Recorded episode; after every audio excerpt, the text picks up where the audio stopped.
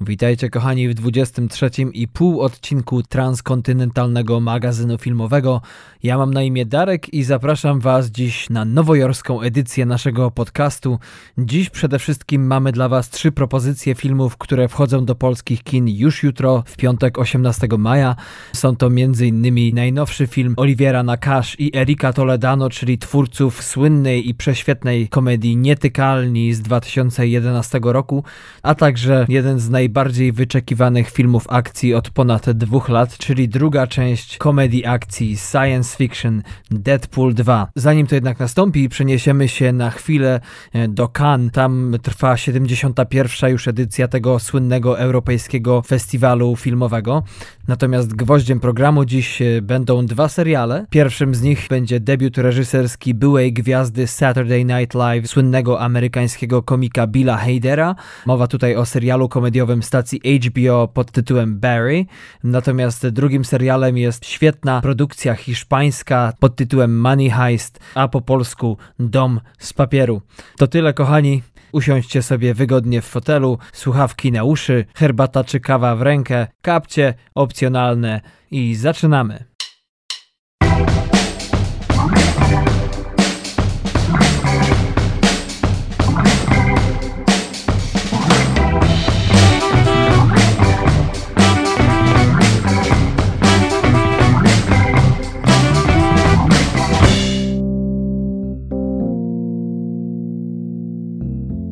No i co, tak ładnie było ostatnio w Nowym Jorku. W końcu słoneczko zaczęło świecić, w końcu człowiek mógł się pokazać w shortach, e, bo i shorty ładne. A tutaj znowu oberwała się chmura mm, i od kilku dni zimno i leje. A jak nie leje, to mrzy. No ale słyszałem, że w Polsce, zwłaszcza w Gdańsku i Łodzi, to ostatnio w ogóle jakaś masakra była.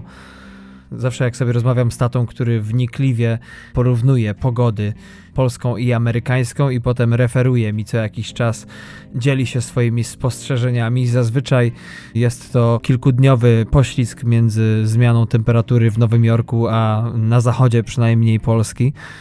Ale dosyć o pogodzie. Dzisiaj odcinek będzie ciekawy, sporo newsów, sporo ciekawości bez Patryka. Patryk sobie teraz odpoczywa w pracy na nockach. W ogóle jest to jakaś masakra, jeśli chodzi o ostatnie tygodnie, można powiedzieć. Człowiek rzeczywiście zasuwa w pracy, oprócz tego może się nie będę tutaj rozwodził, ale ten stand-up, którym postanowiłem w końcu się jakoś poważniej zająć, bynajmniej czasu nie dodał ale y, nie ma co narzekać. Przerwę dopiero planujemy sobie w lipcu. O tym jeszcze poinformujemy, ale już tak zawczasu mówię. W końcu będę mógł przyjechać do Polski i pobyć trochę w rodzinnym kraju, y, zobaczyć znajome mordki. No i też y, z niejedną wznieść toast, a przynajmniej podzielić się bułką. Co jeszcze ciekawego, teraz taki okres wzmożonego fundraisingu w Nowym Jorku się obserwuje, kiedy to wszystkie możliwe fundacje, organizacje starają się o fundusze, Także co chwilę organizowane są gale. Sporo można poprzebywać w towarzystwie gwiazd z ekranu. No w ogóle ciekawa to sprawa, bo tak naprawdę ja jeszcze się nie przyzwyczaiłem, że w Nowym Jorku praktycznie no, można pracować w byle jakim coffee shopie i zaraz e, na przykład Colin Farrell wejdzie i zamówi latę. Zazwyczaj są to bardzo przyjemne rzeczy i zazwyczaj jest miło. Są niektóre gwiazdy, ale to bardziej ze świata mody, którym troszeczkę żeby nie powiedzieć odbija, to powiem podskakuje, ale aktorzy zazwyczaj bywają bardzo uprzejmi, ale też bywają takie mniej przyjemne, czy może dziwne eventy. Na przykład w zeszłym roku pracowałem podczas y, bodajże 25. rocznicy premiery takiego słynnego filmu jak Fakty i Akty, między innymi z Dustinem Hoffmanem i Robertem De Niro i tam też sporo się zjawiło gwiazd, na przykład na czele z Chevy Chase'em czy Jeffem Goldblumem, ale to co najlepsze w cudzysłowie mm, dopiero miało miejsce przed nami. Całą imprezę prowadził słynny brytyjski komik John Oliver i w trakcie kiedy przeprowadzał wywiad na scenie z Dustinem Hoffmanem między innymi i z Robertem De Niro zapytał Dustina Hoffmana o y, wtedy wysunięte zarzuty a propos nadużywania swojej pozycji. No i Dustin Hoffman też y, nie został dłużny Johnowi Oliverowi i z ogromną pewnością siebie zaprzeczył wszystkiemu.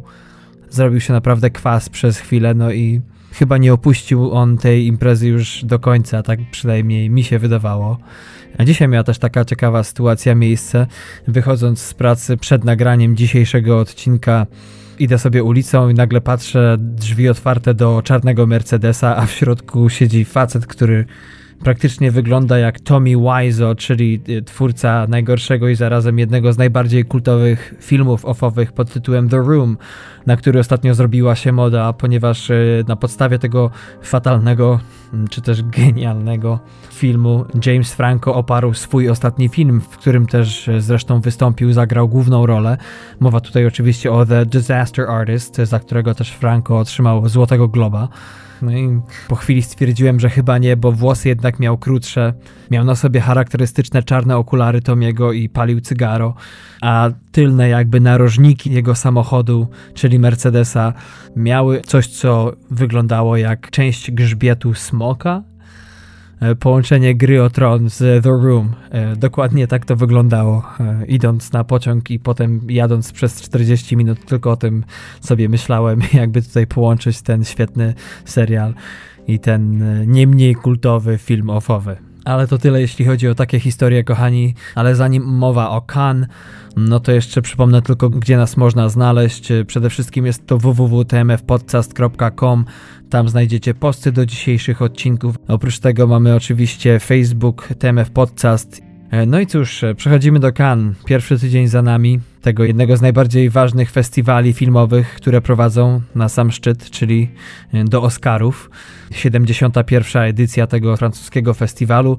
W tym roku przewodniczącą jego, co też dobrze, że w końcu się dzieje, że coraz częściej kobiety dochodzą do głosu w tej bardzo zdominowanej przez mężczyzn, a poniekąd przeludnionej przez kobiety profesji Mowa tutaj oczywiście o Kate Blanchett. E, mówię mm, przeludnionej, ponieważ e, na każdego aktora przypada średnio 10 aktorek, ale e, nie o tym. No przede wszystkim festiwal, czego można się było zresztą spodziewać, nie tyle jest upolityczniony, co uspołeczniony, ponieważ głównym sztandarem pierwszego tygodnia, przynajmniej otwarcia festiwalu, jest oczywiście akcja hashtag MeToo, zarówno w przemowie przewodniczącej, jak i w kolejnych dniach było to widoczne i odczuwalne na każdym kroku. No ale też y, niektórzy mówią, że to wszystko, czyli to mi tu i ta stara, przesiąknięta atmosfera Kan, to wszystko zlewa się w całość, y, bo obok ważnych inicjatyw jest też podobno od groma jachtów oligarchów, które są zaparkowane w pobliskiej przystani. Nawet niektórzy pisali, że mm, może czasy się zmieniają, ale to nie znaczy, że E, nie ma miejsc e, i to dość licznych e, willi na obrzeżach miasta, w których odbywają się co noc prawdziwe bachanalia Ktoś to moim zdaniem świetnie podsumował.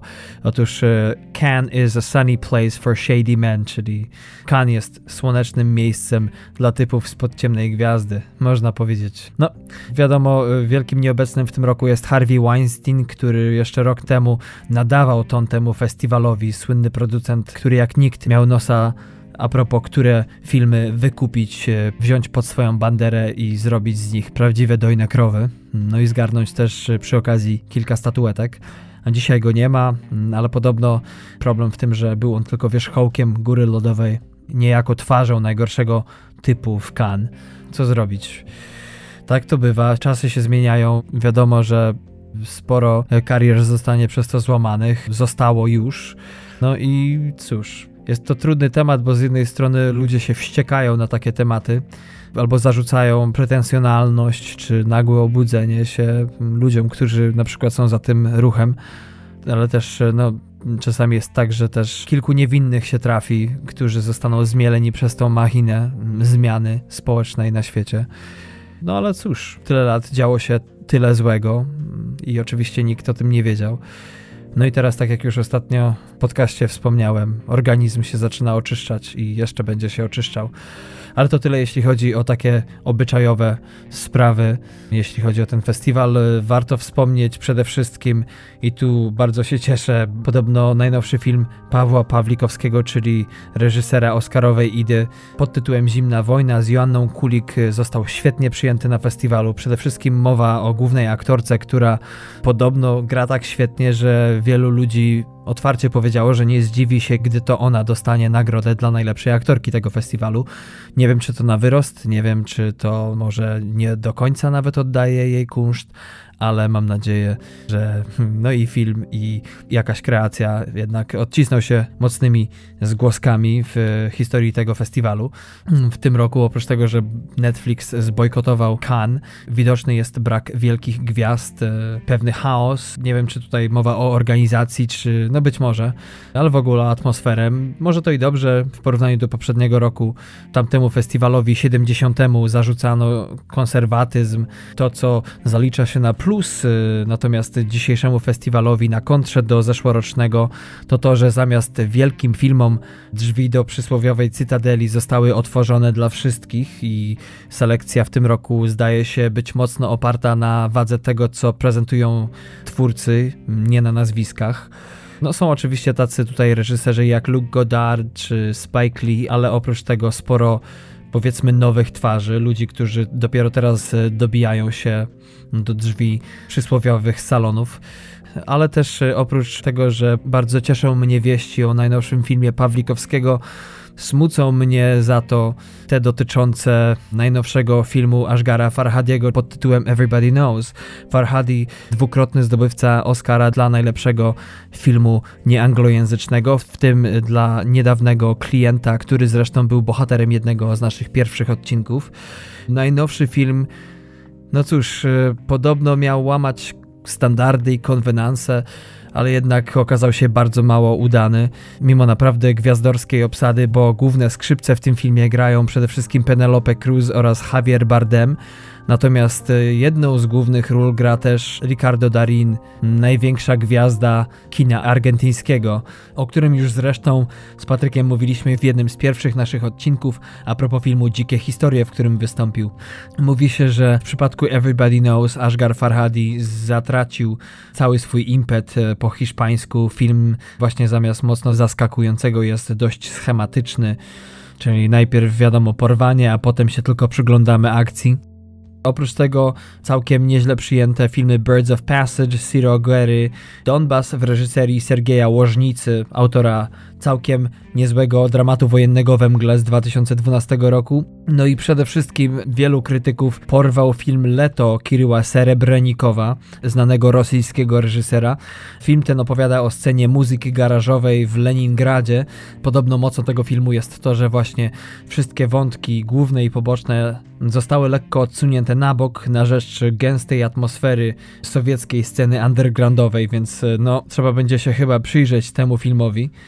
Z jednej strony fajnie by było, gdyby był nieznany, bo wtedy tym lepiej będzie dla nas, e, żeby wam go polecić, ale no mam nadzieję, że jest to propozycja, która nie jest tak tylko opisywana na wyrost.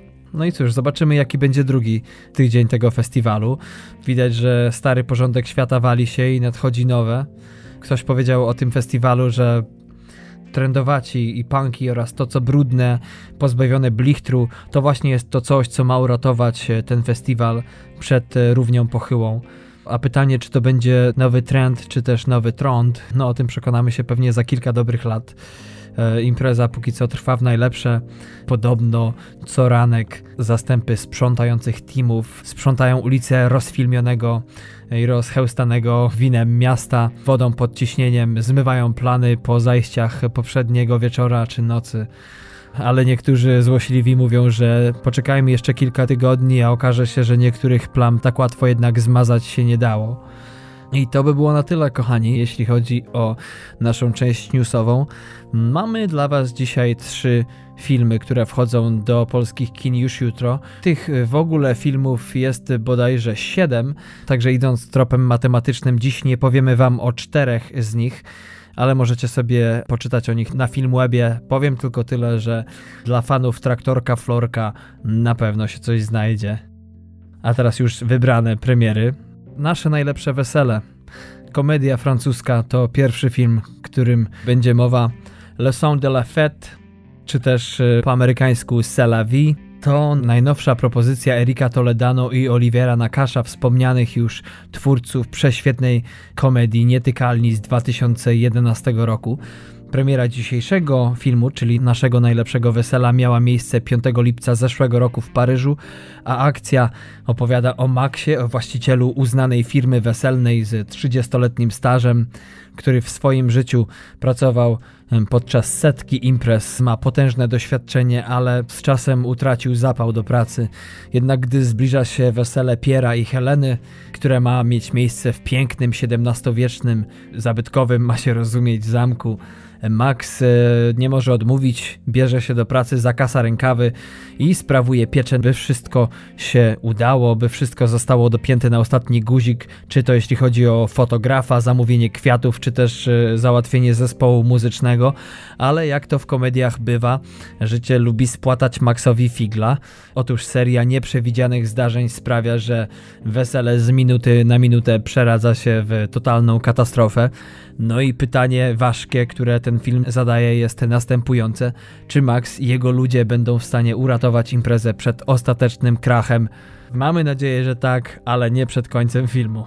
Eric Toledano i Olivier Nakash to Papuszki Nierozłączki, to już ich szósty wspólny film i wszystkie sześć to są te, z których najbardziej są znani. Oprócz e, wspomnianych nietykalnych stworzyli m.in. takie filmy jak komedię Zostańmy przyjaciółmi z 2005 roku z Gérardem Depardieu. Rok później wyreżyserowali i napisali scenariusz do komedii Szczęśliwe Dni.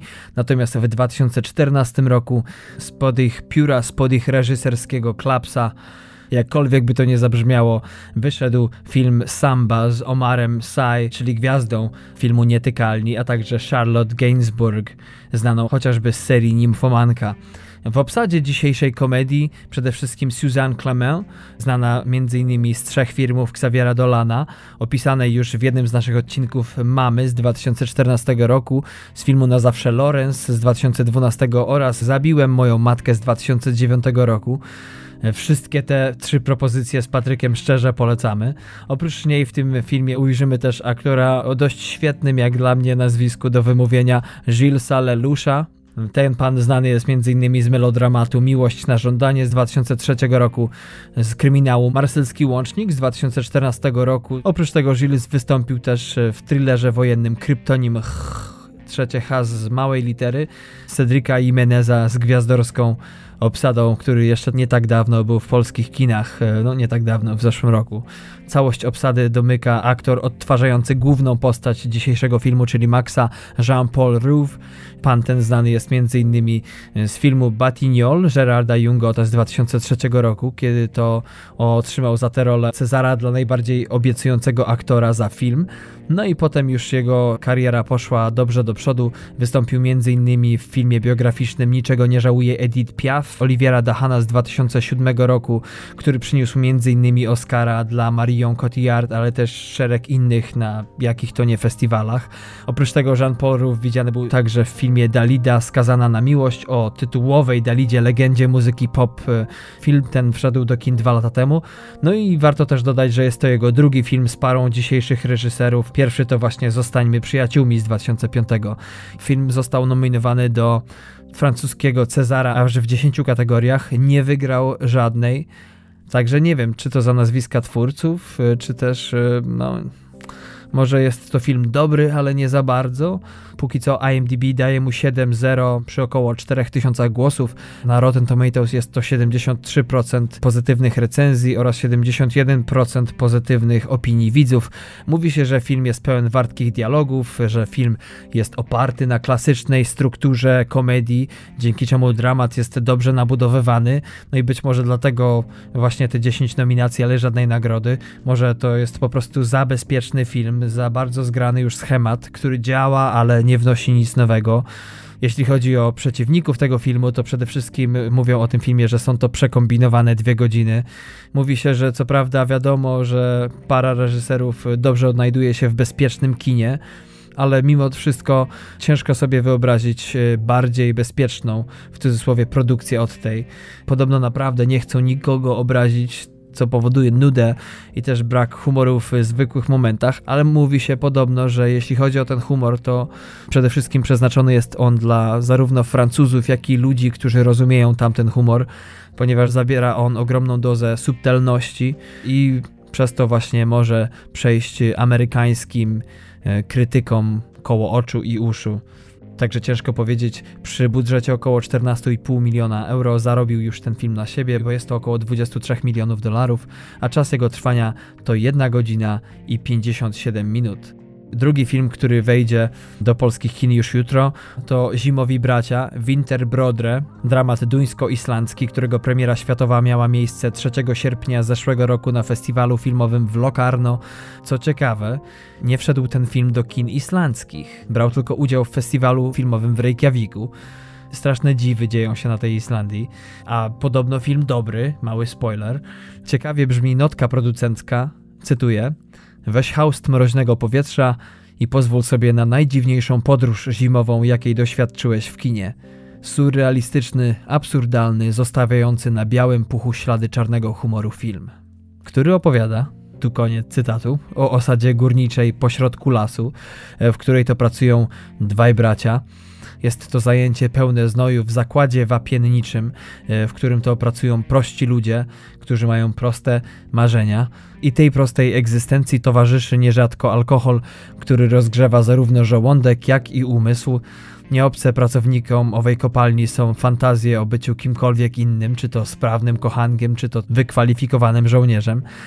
No ale pośrodku tego dziwnego zimowego Eldorado ma miejsce pewne tragiczne w skutkach wydarzenie, które sprowadza na jednego ze wspomnianych braci grupowy ostracyzm, co doprowadza do reakcji łańcuchowej, która podda próbie wszelkie relacje międzyludzkie panujące w tym świecie na skraju świata.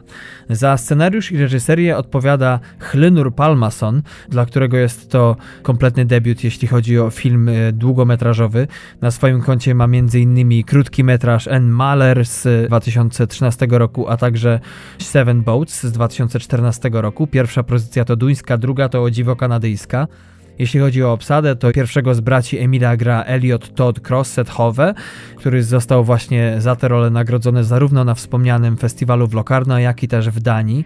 Oprócz tego aktor ten wystąpił m.in. w dramacie We krwi Rasmusa Heisterberga z 2016 roku i w tym samym roku wystąpił także w dramacie duńskim Rodzice Christiana Tavdrupa. Jego brata Johanna gra Simon Sears, znany do tej pory najbardziej z serialu Jeźdźcy burzy z zeszłego roku. Obu panom partnerują także Lars Mikkelsen, znany m.in. z pomniejszych ról w House of Cards czy w Sherlocku z Benedyktem Cumberbatchem, a także Victoria Carmen Sonne, która tak jak i Elliot Hove również wystąpiła w dramacie We krwi. Film ten, o dziwo, zgarnął całkiem sporo nagród, nie tylko 9 jeśli chodzi o Duńską Akademię Filmową, m.in. za film, dla reżysera, a także dla aktorów, czy też kilka technicznych. Oprócz tego otrzymał także 5 nagród na festiwalu w Locarno, a także, co ciekawe, na dwóch polskich festiwalach. Otóż Maria von Hauswolf y, otrzymała nagrodę za debiut na festiwalu Camera Image, natomiast film wziął udział w konkursie głównym i przyniósł także wyróżnienie dla reżysera na festiwalu Nowe Horyzonty. Jeśli chodzi o ratingi, to IMDb daje temu filmowi 6.9, Rotten Tomatoes kompletnie jeszcze o tym filmie nic nie wie. Jeśli chodzi o budżet, to film ten podobno kosztował około 800 tysięcy euro, a czas trwania jego to 94 minuty.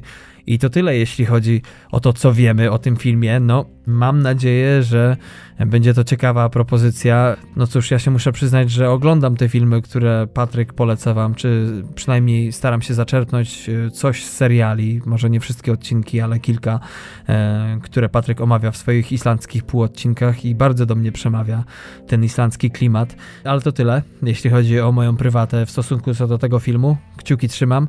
A teraz już nie ma co przedłużać. Przechodzimy do gwiazdy naszej porcji premier, czyli do filmu Deadpool 2 którego światowa premiera miała miejsce już 10 maja tego roku w Argentynie. Druga część tego filmu opowiada o tym, jak to po przebyciu poważnej choroby, pracujący na co dzień w kafeterii Wade Wilson stara się za wszelką cenę dawać z siebie wszystko. W tym jednak przeszkadza mu m.in choć nie tylko utrata smaku. No i by jakoś to wszystko sobie poukładać, Wade stawia na życie pełne walk z Jakuzą, wojownikami ninja i rozjuszonymi psami. No i To życie zabierze go w przeróżne zakątki świata, a wszystko to po to, by nasz bohater docenił znaczenie rodziny czy przyjaciół, a także smaku, w tym przypadku smaku niebezpieczeństwa. Za scenariusz do tego filmu oczywiście odpowiadają twórcy pierwszej części Deadpoola, czyli Red Reese i Paul Wernick. Za poprzednią część panowie ci otrzymali trzy nominacje na przeróżnych festiwalach za scenariusz, a oprócz dwóch części dzisiejszego filmu Panowie ci napisali scenariusze m.in. do Szkoły Uwodzenia z 2004 roku, do filmu Zombieland z 2009 z Emma Stone, Jesse Eisenbergiem i Woody Harrelsonem, a także w zeszłym roku do thrillera Life Daniela Espinozy z Jake'em Gyllenhaalem i gwiazdą filmu, o którym teraz mowa, czyli Ryanem Reynoldsem. Jeśli chodzi o reżyserię, to tym razem za sterami mamy tutaj Davida Leitcha, e, który znany jest m.in. nie tylko z pierwszej części Johna Wicka z 2014 roku, ale także z thrillera Atomic Blonde z zeszłego roku roku z Charlize Theron. W przyszłym roku wyjdzie reżyserowany przez niego film The Division z Jessica Chastain i Jake'em Gyllenhaalem, a w 2019 roku spin-off Szybkich i Wściekłych pod tytułem Hobbs and Shaw z Jasonem Stathamem i oczywiście Dwaynem The Rockiem Johnsonem. Jeśli chodzi o obsadę dzisiejszego filmu, to przede wszystkim mamy tutaj dwóch aktorów. Pierwszy to grający postać Cable'a Josh Brolin. Pana tego nie trzeba przedstawiać, ale może tylko powiem, że w tym roku wyjdą jeszcze dwa filmy z jego udziałem. Pierwszy to druga część Sicario pod tytułem Sicario Soldado Stefano Solimy, a także film George i Tammy z Jessica Chastain, Taylora Hackforda, pana znanego m.in. z takich filmów jak Ray czy Adwokat Diabła, a obecnie Brolina możecie oglądać także i w najnowszej części Avengers pod tytułem Wojna bez bez granic. Jak już wspomniałem, główną rolę zarówno w pierwszej, jak i w tej części Deadpoola gra Ryan Reynolds, 41-letni Kanadyjczyk, który tym razem jest także współautorem scenariusza. Pan ten był nominowany do Złotego Globa za poprzednią część, co rzadko się zdarza, żeby aktor z filmu akcji był nominowany do poważnej aktorskiej nagrody. No i całą masę pomniejszych też nagród zgarnął za tę rolę.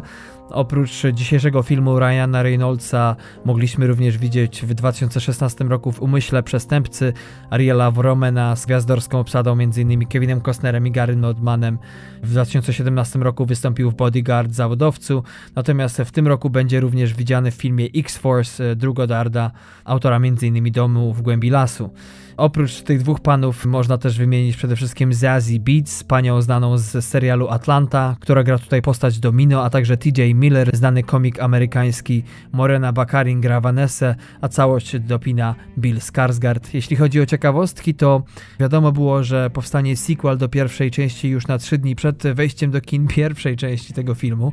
Od dawno też było wiadomo, że reżyser poprzedniej części, czyli Tim Miller, nie będzie reżyserem tej dzisiejszej, a to ze względu na podobno różnice kreatywne między nim a Ryanem Reynoldsem. Fani chcieli bardzo, by to Quentin Tarantino był reżyserem tego filmu. Nawet e, powstała specjalna petycja, ale widocznie się nie udało. Rolę Cable'a miał też początkowo zagrać Brad Pitt. Co ciekawe, jeden z twórców komiksu chciałby rolę Cable'a grał Russell Crowe. Teasery do tego filmu cieszyły się ogromną popularnością. Pierwszy wyciekł już w marcu 2017 roku.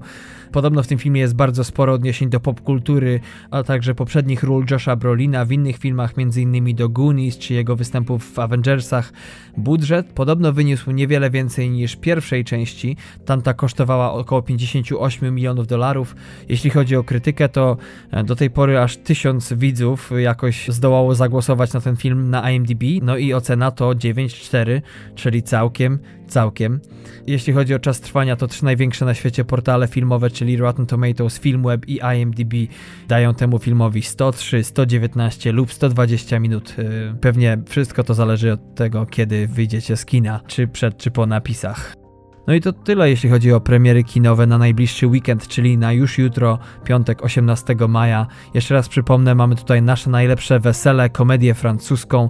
Oprócz tego do polskich kin wchodzi dramat duńsko-islandzki Zimowi Bracia, a gwiazdą na pewno tego miesiąca, jeśli być może nie tego półrocza, a być może i jedną z gwiazd tego roku, będzie oczywiście Deadpool 2. Za to ściskam kciuki. Mam nadzieję, że znajdziecie coś w tym tygodniu. Może to nawet być traktorek Florek, bo czemu nie? Tak czy siak, dajcie nam znać, co sądzicie o tych filmach, jeżeli uda wam się je zobaczyć. A teraz, kochani, przechodzimy już do głównej części naszego odcinka, czyli do dwóch seriali. Jeśli chodzi o ten pierwszy, czyli o serial stacji HBO pod tytułem Barry, wspomnianego już świetnego komika amerykańskiego Billa Hadera, miałem tutaj rozterki a propos tego, bo zazwyczaj staramy się nie dublować przeróżnych filmów czy też seriali, które wychodzą na falach innych podcastów. Głównie dlatego, że po prostu no, jak ktoś już coś opisał, to może fajnie by się zająć czymś, czego ktoś nie opisał i wrzucić do tego basenu jak najwięcej kaczek. Tego opowiedzenia pewien nie jestem, ale e, Barry miał już okazję być opisanym w jednym z podcastów i tak sobie o tym też mówiłem z Patrykiem, że może jednak odpuszczę, może coś innego mi się uda znaleźć, ale zdarzyły się dwie rzeczy, które zmieniły moją decyzję. Pierwsze to to, że skoro nie miałem mówić o tym serialu, to miałem wybrać się do kina na coś. Niestety to mi się nie udało. A dwa, doszedłem do sześciu z ośmiu odcinków Barego i ten szósty odcinek to był jeden z najlepszych odcinków, jakie ja ostatnio widziałem w, w ogóle w telewizji, jeśli chodzi o serial. Być może chodzi tutaj o to, że jestem po prostu potwornym geekiem serialowo-filmowym, ale twórcy tak świetnie zabawili się konwencją, jak i zmianą klimatu w tym odcinku, do tego jeszcze dojdę, że no, czegoś takiego po prostu chyba nigdy nie widziałem w taki sposób zostało to zrobione. No i te dwie rzeczy wpłynęły na to, że e, o tym serialu dzisiaj mowa. E, jeśli chodzi o Billa Hadera, to jeżeli ktoś ogląda SNL, czyli Saturday Night Live, albo poprzednie jego odcinki, to kilka lat temu był właśnie znany z wykreowania przede wszystkim roli Stefana Więcej o tym może po prostu znajdźcie sobie na YouTubie, bo żadne moje słowa tego nie oddadzą. Chyba, że nie lubicie SNL-u, to nie podejdzie wam to oczywiście. Ja mam z tą formą rozrywki, jak to mówią, love and hate relationship. No ale cóż, e, Bill Hader to niewątpliwy talent komediowy i jak się okazuje również dramatyczny. Podobno już dawno, dawno temu zaproponował ten serial HBO i stacja długo, długo się wahała, aż pewnego razu jej władni obejrzeli film The Skeleton Twins Craiga Johnsona i na tyle im się spodobał w tym filmie, że dostał pozwolenie na preprodukcję dzisiejszego serialu. Jest to także jego debiut reżyserski. Akcja tego serialu opowiada o Barym, który jest znudzonym życiem i wypalonym zawodowo płatnym zabójcą. I co gorsze, no, jego zlecenia nie są, można powiedzieć, z najwyższej półki, dlatego razem ze swoim partnerem biznesowym, w cudzysłowie menadżerem, przenoszą się do Los Angeles, by wykonać brudną robotę dla czeczeńskiej mafii. E, ma się zająć tam pewnym aktorem. No i e, chcąc nie chcąc wpada w sidła grupy teatralnej, wśród której zaczyna się czuć coraz lepiej, coraz swobodniej i pewnego dnia przychodzi mu do głowy, że zostanie aktorem. No i e, z tego też względu musi niestety zerwać z poprzednim stylem życia. Menadżerowi zupełnie to się nie podoba, ten ma odwrotne plany co do ich przyszłości. Chce, by jego hitman w końcu zaczął robić większą karierę, zarabiać lepsze pieniądze, no i odstrzeliwać grubsze ryby, a Los Angeles do tego się wydaje wręcz idealne. Kolejną rzeczą, która komplikuje Baremu odejście od swojej jeszcze obecnej profesji, to fakt, że przez to, że sam ma przeszłość wojskową, ma kumpli, z którymi był na misjach, no, którzy w pewnym momencie wkroczą też do akcji i będą chcieli się przyłączyć, by pomóc Baremu w kilku rzeczach. Oprócz tego, jak to bywa, Bary zakochuje się w aktorce, a przynajmniej tak mu się zdaje, że się w niej zakochuje Wspomniane zajęcia z aktorstwa odbywają się w teatrze prowadzonym przez pana o imieniu Gene Cousineau. Jest to słynny, tak się przynajmniej jemu samemu wydaje, ale też e, widać, że otoczony jest czcią, jeśli chodzi o uczestników jego zajęć. Aktor, mentor, który zamiast zarabiać kokosów w wysokobudżetowych produkcjach uczy aktorstwa młodych ludzi. Mm, no i cóż, po zabójstwie e, wspomnianego na początku aktora w dość mocno ciekawych okolicznościach do gry wkracza też policja, która zaczyna prowadzić śledztwo w tej sprawie, praktycznie siedząc baremu na ogonie. No i też wkrótce między prowadzącą śledztwo panią detektyw a profesorem wywiązuje się nie mniej zaskakująca relacja, która też będzie wpływała na zagmatwanie całej tej sytuacji. Bill Hader, który oczywiście gra tytułową rolę, jak i reżyseruje mm, ten serial, e, znany jest m.in. też z takich filmów jak Jaja w tropikach czy Chłopaki też płaczą, dość słynnych e, amerykańskich propozycjach, a w 2015 roku wystąpił obok Amy Schumer w komedii Wykolejona, filmie, który naprawdę zrobił dość niezłe kuku, jeśli chodzi o wynik kasowy, bo było to ponad 130 milionów dolarów, co jak na komedię amerykańską naprawdę jest e, całkiem niezłym wynikiem. Jego menadżera w serialu gra Steven Root, znany m.in. z filmu To nie jest kraj dla starych ludzi braci Coenów z 2007 roku, czy z ostatniej sensacji kulturowo-filmowej Jordana Pila horroru pod tytułem Uciekaj z zeszłego roku. Wspomnianego guru aktorskiego, czyli Gina Kusinoa gra Henry Winkler, pan, który naprawdę może poszczycić się przebogatą karierą, jeśli chodzi o występy serialowo-filmowe, ale najbardziej znany jest y, z takiego serialu jak Happy Days. Był to serial w latach 70., za którą Henry Winkler zgarnął dwa złote globy. Wpiszcie na YouTubie Happy Days, Henry Winkler czy Winkler. Zrozumiecie jego komedię. Tutaj gra prześwietnie. Widać, że im starszy aktor, tym lepszy. Szapoba, bo to, co odstawia w tym serialu, e, no jest to po prostu cud miód. Oprócz tej dwójki mamy m.in. Pole Newsom, czyli panią detektyw Moss, aktorkę, która znana jest m.in. z takich filmów jak Kevin Sam w domu czy Mała Miss a aktorkę, w której zakochuje się główny bohater, gra Sara Goldberg, e, aktorka, która zaczyna sobie coraz e, śmielej poczynać. Teraz niedawno zagrała w filmie Crown Heights z zeszłego roku. No i mam nadzieję, że ten serial otworzy jej drzwi do wielkiej kariery, bo e, często postać jej mnie denerwuje. I chyba bodajże rozmawiałem z Patrykiem o tym, nie wiem czy z Patrykiem, czy z moją żoną, ale w pewnym momencie zdałem sobie sprawę, że to nie aktorstwo tej aktorki mnie irytuje, tylko grana przez nią postać, więc aktorka musi ją świetnie odgrywać, bo inaczej no, nie byłoby opcji. E, jest to, jak już wspomniałem na początku, ośmiodcinkowa seria, która będzie miała swój drugi sezon w przyszłym roku, już zapowiedziany. Jest to naprawdę jeden z lepszych seriali, jakie ostatnio widziałem. Sporo w nim żartów, które są e, może bardziej zrozumiałe dla aktorów, bo często mamy w nim przytyki do natręctw, natarczywości, czy emocjonalnego potargania, czy mobbingu czasami. Więc e, rozumiem, jeżeli komuś ta część humoru nie przejdzie, ale są też inne, między innymi ta mafia czeczeńska, która po prostu sama w sobie jest tak świetnie skrojona. To są takie typy, których po prostu ze świeczką szukać. Świetnie ten serial łączy komedię z dramatem twórca i główny aktor to facet, który, no mówię, karierę zaczął na dobre robić w SNL i pomimo tego i typu aktora, czy typu postaci, jakie powinien grać ze względu na swoją charyzmę, czy swoje amplua, na swój wygląd. Bill Hader dowodzi tutaj, e, że jest aktorem o ogromnym kunszcie, potrafi tak naturalnie grać e, kogoś, kogo w mojej głowie nie obsadziłbym zupełnie w roli Barego, gdyby ktoś mi zadał e, takie zadanie. A tutaj potrafi się fenomenalnie zakamuflować swoją postać i sprzedać ją idealnie. Potrafi też pomóc nam zapomnieć o tym, że jest to komedia, tak świetnie gra poważne momenty. W ogóle struktura tego serialu przechodzi ewolucję. Jest taki odcinek, nie powiem który, kiedy to właśnie nagle z komedii w serialu tym robi się tak poważnie i tak dziwnie. Jest tym odcinku sporo ciszy, braku muzyki, która jako no, taki trik używana jest zazwyczaj do podkręcania powagi sytuacji i co za tym idzie emocji. Tutaj twórcy nie uciekają się do tanich chwytów, tylko idą pod prąd i moim zdaniem udało im się to prześwietnie. Co jeszcze można powiedzieć? No, na pewno nawet jeśli scenariusz komentuje czy naśmiewa się z aktorów, to potrafi też wszystko to wyważyć już w następnej scenie, mm, jeśli jeszcze nie w tej samej czasami.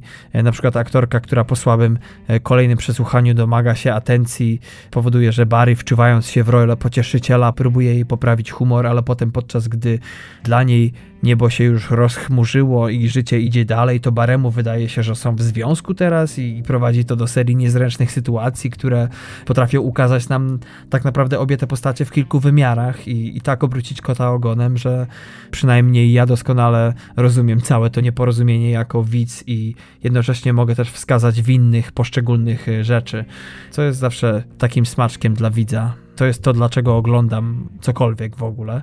Mówiłem już o świetnym aktorstwie. Tutaj muszę, jeśli chodzi o tych wspomnianych Czeczeńców, y, wspomnieć o Antonym Carriganie, znanym bardziej jako Wiktor z serialu Gotham, który robi tutaj fantastyczną robotę.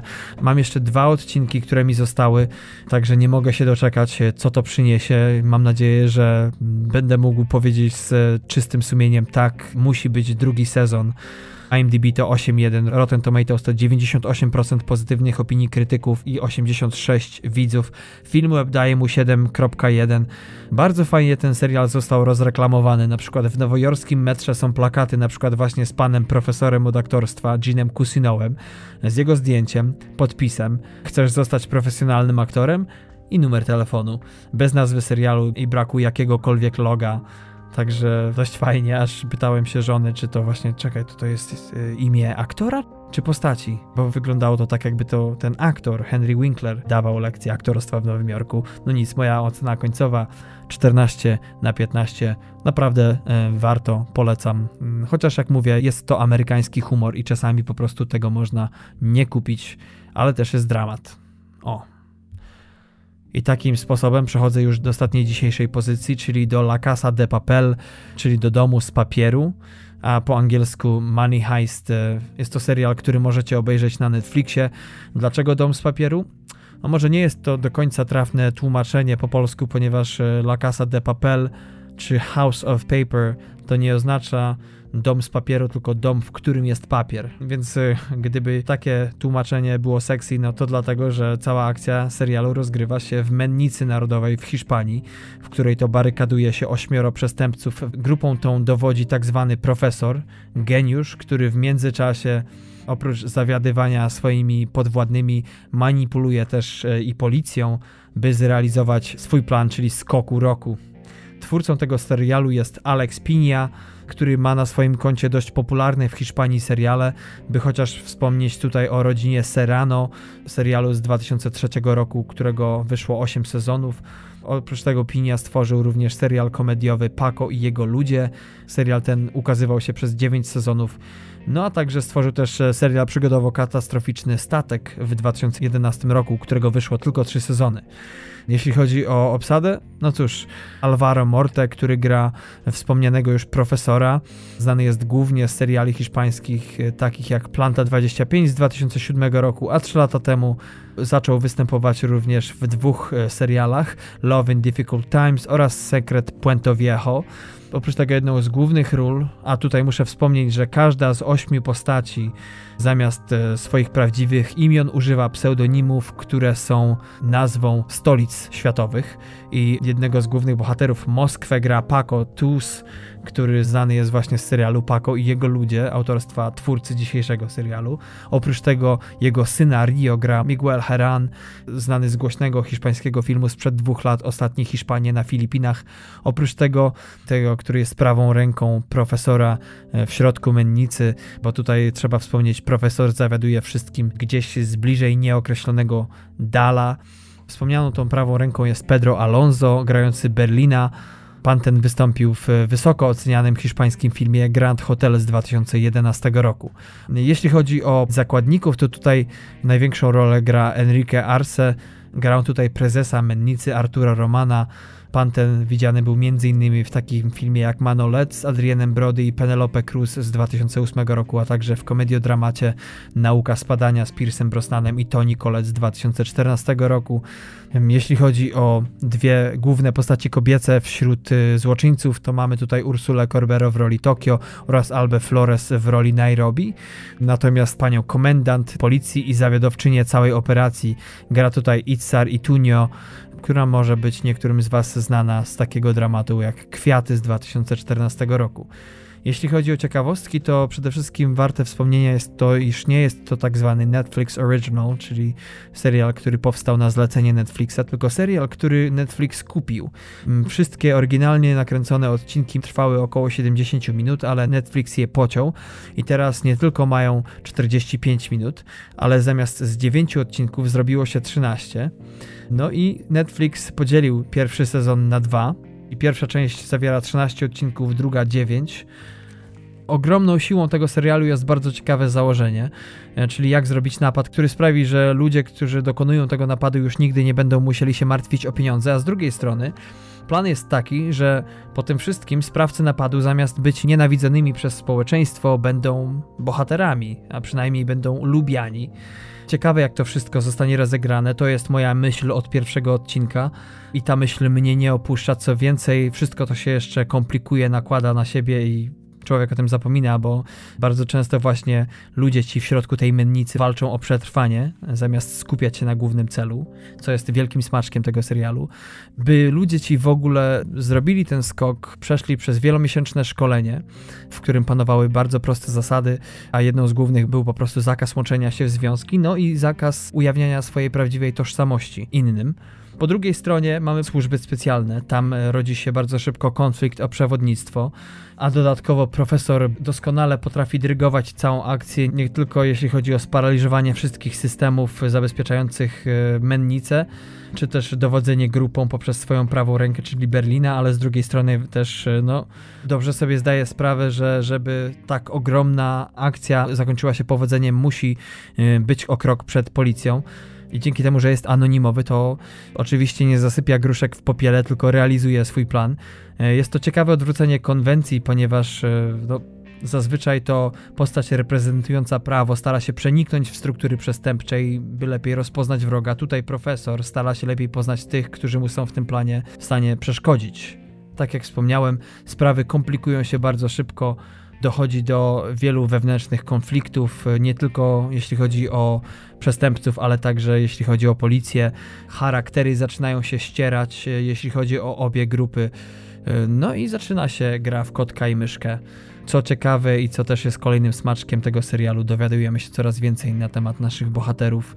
Twórcy potrafią świetnie zmienić nastrój, najpierw zaserwować nam odcinek pełen emocji i precyzyjnie budowanego napięcia, po czym kiedy widz zastanawia się co dalej, gdzie tu iść, skoro sytuacja wewnątrz mennicy stała się podbramkowa, a tu boom, nagle realizatorzy potrafią tak to wszystko odwrócić, że no... Mm, palce lizać, ciężko to opisać po prostu słowami, to trzeba zobaczyć, w to trzeba się wczuć ale człowiek, tak jak w przypadku Barego w dalszej części serialu, także tutaj e, bawi się lepiej z odcinka na odcinek, coraz to się bardziej komplikuje. Oczywiście są momenty, kiedy no, lekko coś zalatuje myszką, ale nie wiem, czy to po prostu jest to, że nie wiem, jest to hiszpańskie kino i ja tego nie kupuję, czy też rzeczywiście ciężko zrobić taki bezbolesny serial. W przypadku na przykład Tabula Rasa, dzisiaj sobie tak myślę, serialu, który niedawno jeszcze opisywaliśmy, coś mi zaczęło uwierać pod koniec, jednak jak sobie teraz myślę o tym serialu, w sensie, że to tak wszystko nagle się na koniec rozwinęło, że jednak to budowanie napięcia było wiele lepsze niż to zakończenie. No ale do tego musiałem dojść po kilku tygodniach. I tutaj też na początku mam takie, w tym przypadku tego serialu, mam poczucie, że jednak coś jest za bardzo ekspozycją, czy coś jest za bardzo tak nam podstawione pod nos, za bardzo schematyczne, że człowiek po prostu rozkłada ręce i mówi: No nie, panowie, bierzemy się za siebie i lecimy z tą akcją, bo takich błędów nie można popełniać, ale są to ewenementy, są to bardzo nieliczne momenty, które nie wpływają, moim skromnym zdaniem, na odbiór akcji. A jeszcze do tego zapomniałem dodać to, że zmieniają się też relacje uwięzionych z oprawcami. To jest naprawdę ciekawe, w którą stronę to wszystko pójdzie, bo w grę zaczyna wchodzić empatia, czasami to wszystko prawie jest, no, prawie balansuje na krawędzi syndromu sztokholmskiego. No i mimo upływu niecałych kilku dni, bodajże trzech, już obie strony naprawdę zdają się naruszać powoli przynajmniej sztywne granice oddzielające właśnie te dwie grupy od siebie. Co ciekawe też to nie będzie za wielki spoiler, Okazuje się, że przestępcy od początku mieli dokładnie rozplanowany sposób, w jakim użyją poddanych, mm, do jakich celów i w jaki sposób użyją ich jako tarczy obronnej, co jest y, no, całkiem ciekawe, dość świeże spojrzenie na ten temat. Y, najczęściej jest to dosłowna tarcza ochronna, a tutaj jednak jest to bardziej przemyślane, z większym geniuszem zrobione. Y, jeszcze nie obejrzałem całego tego serialu, ale jeśli chodzi o moją cząstkową ocenę, to dam mu 14 na 15.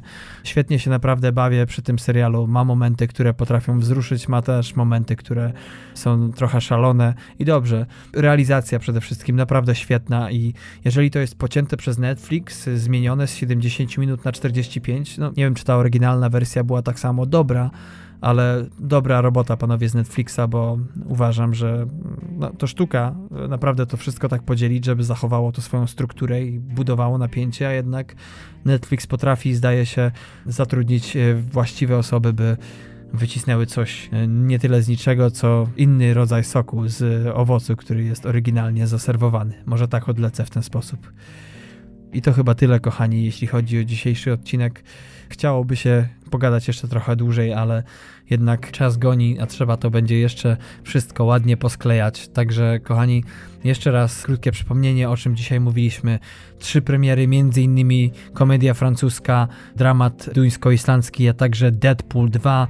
Oprócz tego poza Cannes mieliśmy dzisiaj dwa seriale. Pierwszy to komediowy serial HBO Barry, a drugi to serial kryminalny Dom z papieru Money Heist kupiony przez i dostępny na Netflixie z polskimi napisami.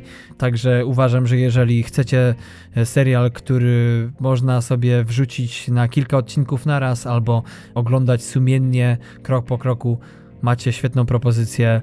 Zresztą tak na zakończenie dzisiejszego półodcinka warto wspomnieć, że Netflix rozszerza swój wachlarz, swoją współpracę i Coraz częściej obserwujemy europejskie produkcje, które wychodzą pod szyldem Netflixa jako Netflix Originals i będzie tego jeszcze więcej. Mam nadzieję, że coś ciekawego z Polski zacznie trafiać na szerszą wodę, dostępną na całym świecie. Mam nadzieję, że to zmobilizuje młodych, dobrych twórców do zrobienia czegoś, na czym będzie można na dłuższy czas zawiesić nie tylko oko, ale i ucho. No i to tyle, kochani. Dzięki za uwagę dzisiaj, jeszcze raz za to, że nas śledzicie. Zapraszamy do polubienia nas na Facebooku, zapraszamy do podzielenia się ze znajomymi naszymi odcinkami. Jeżeli chcielibyście nam wyświadczyć ogromną przysługę, a nic tak świetnie nie działa jak poczta pantoflowa, to będziemy Wam bardzo wdzięczni. Czy to przekleicie nasz post na swoim Facebooku, czy po prostu napiszecie na forum, gdzie jesteście, czy też wspomnicie na, na swojej tablicy na Facebooku, czy w jakikolwiek inny sposób. No i jest to najlepszą formą promocji tego, co robimy. Oprócz tego oczywiście zapraszamy na stronę www.tmfpodcast.com do poprzednich odcinków, ale także do postu z dzisiejszym, gdzie będziecie mogli sobie zasięgnąć więcej informacji na temat wspomnianych dzisiaj produkcji. No i to chyba tyle. Następny 24 odcinek naszego podcastu ukaże się najprawdopodobniej już w przyszły czwartek, 24 maja, i będzie to tym razem nowy gatunek, który jeszcze nie gościł na falach TMF-u. Także obaj z Patrykiem jesteśmy mocno podekscytowani. Mamy kilka propozycji i postaramy się na dniach wybrać tę, która będzie najbardziej warta Waszej uwagi. To tyle, kochani, na dziś. Życzę Wam udanego weekendu, być może także i seansu kinowego i zapraszam już za tydzień. Trzymajcie się ciepło. Cześć.